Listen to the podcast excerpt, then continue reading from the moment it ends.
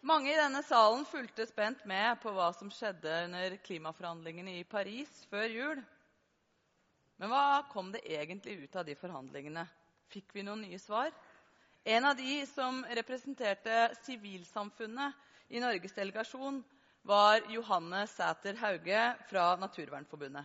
Hun har lang erfaring med klimaforhandlinger, jobber nå i Naturvernforbundet for at klimaavtalen følges opp. Eh, før jeg slipper Johanne til på scenen, sier jeg også velkommen til statsminister Erna Solberg. Vi er glad for å ha deg her. Så sier vi Så sier vi velkommen til Johanne. Vi håper du kan gi oss og statsministeren noen svar om hvor veien egentlig skal gå nå.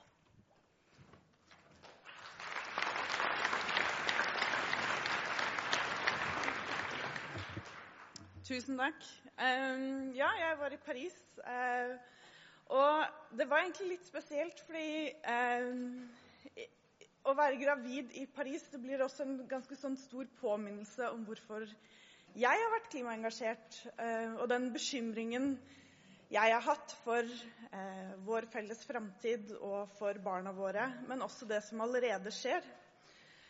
Men samtidig så Før Paris så var det jo et vanvittig fantastisk folkelig engasjement. 850 000 mennesker rundt om i tusenvis av byer og småsteder i hele verden demonstrerte og viste sitt klimaengasjement. Og selv om ambisjonene var veldig lave, så var jo det folkelige engasjementet veldig sterkt.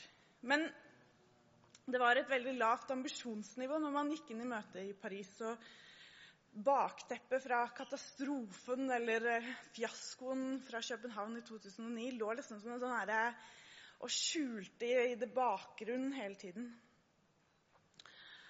Og eh, er det så enkelt at alle verdens land kan bli enige om en avtale på klima?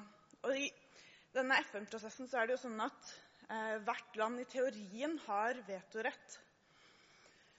Så da var det kanskje ikke så rart at jubelen var i taket da man fikk en ny avtale og et nytt rammeverk. Men hva var det vi egentlig fikk? Eh, som en av diplomatene i den norske forhandlingsdelegasjonen sa eh, da vi eh, gikk inn i møtet, så sa han sånn Ja, Johanne, dette her er en avtale som kan gjelde for hele din yrkeskarriere. Og det er egentlig litt sant at den rammen vi har lagt nå, eh, vil gjelde veldig langt fram i tid. Selv om målene som ligger i avtalen, skal gå fra 2020 til 2030. Eh, og hva er dette rammeverket?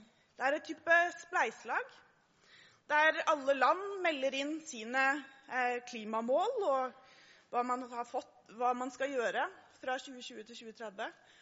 Og ca. 186 land har rapportert inn til FN hva de ser for seg å gjøre. Når forskerne ser på disse målene, så sier de at ja, nei, dette betyr at uh, vi kommer til å ha ca. 2,7-5 graders temperaturøkning. For alle som uh, ikke forstår helt hva det betyr, så betyr det katastrofe. Så enkelt er det. Og avtalen anerkjenner jo faktisk at dette her er ikke godt nok. Alle land må gå i seg selv og gjøre mer. Og vi må gjøre mer før 2020. Og vi må gjøre mer etterpå. Og en av de veldig viktige tingene som kom ut av avtalen, var kravet som 105 land hadde eh, før man gikk inn, om at man skal holde seg langt under to grader og nærmere 1,5. Hvorfor er dette et så viktig mål?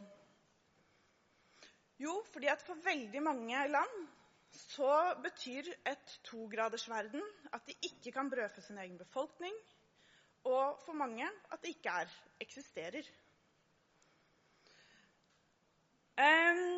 Og det at man har fått til dette eh, tydelige signalet om at man skal nærme seg ned mot 1,5 grad, har også mye å si for norsk klimapolitikk.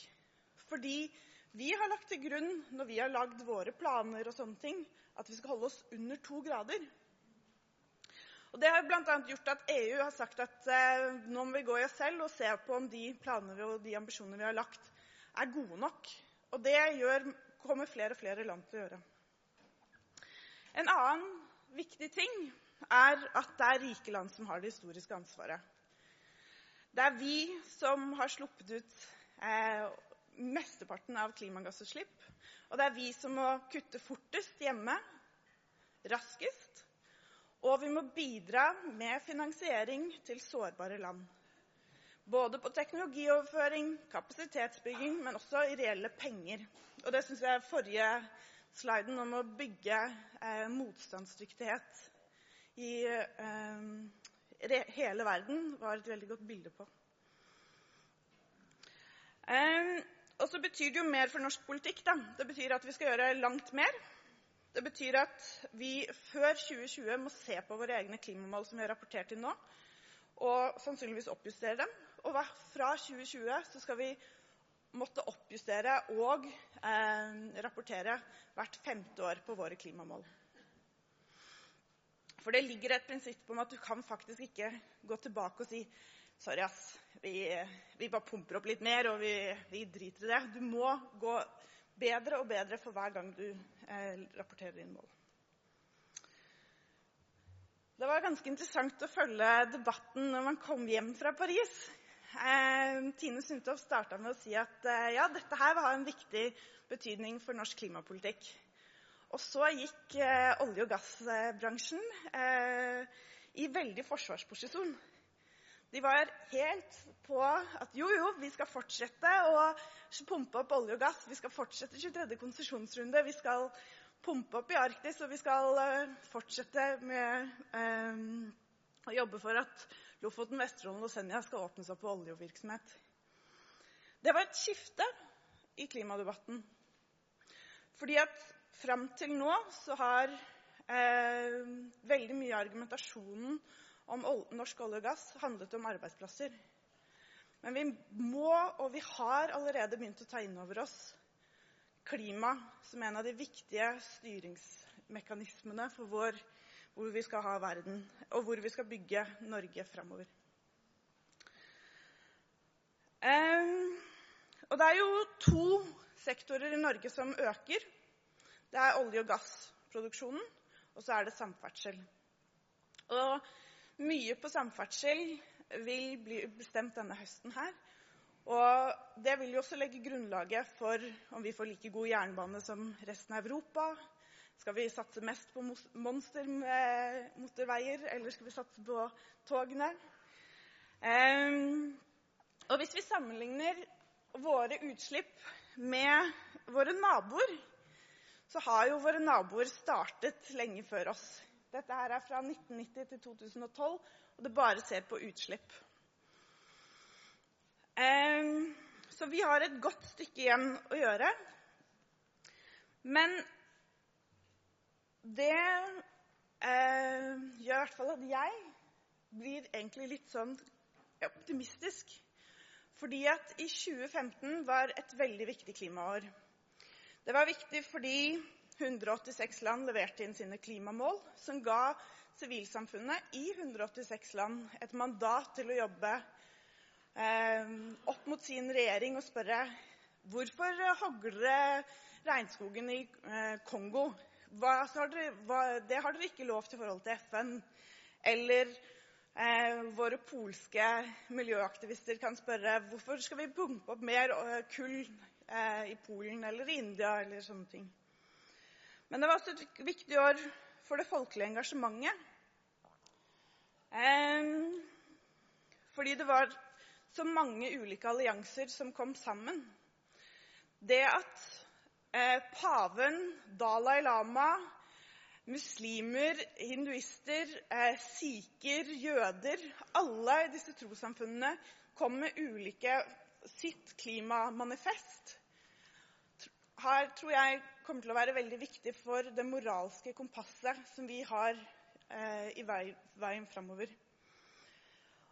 Og det at vi ser at byene, ui, byene går foran eh, Bildet bak der var eh, bildet av eh, by, miljøbyråden Bård, nei, som snakket med i Oslo, som snakket med miljøbyråden i Paris. Byene går jo langt lenger enn nasjonalstatene i sine klimamål.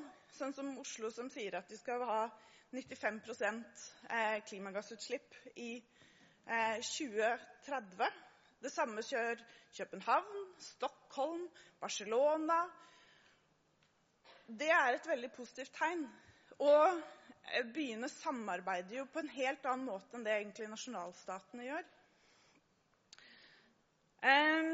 og det siste eh, er jo også det som mange i den globale miljøbevegelsen misunner oss nordmenn for, er at vi har fått til denne alliansen mellom fagbevegelse, mellom trossamfunn, mellom miljøengasjerte, enten det er kunstnere eller oss som jobber i en miljøorganisasjon, til å jobbe sammen. Så det er liksom, Når jeg reiser på disse klimamøtene, så er det noe av det folk spør om. da. Hvordan har dere fått til denne alliansen? så jeg gleder meg til at vi fyller våre gater med sykler og med gående, med buss og at vi får puster inn ren luft. At vi tar et stor innsats for å ta vare på de mest sårbare i verden. Og at vi får like gode tog som er resten av Europa. Og at vi får mange nye klimajobber. Så Paris var bare starten. Nå starter den store klimadugnaden.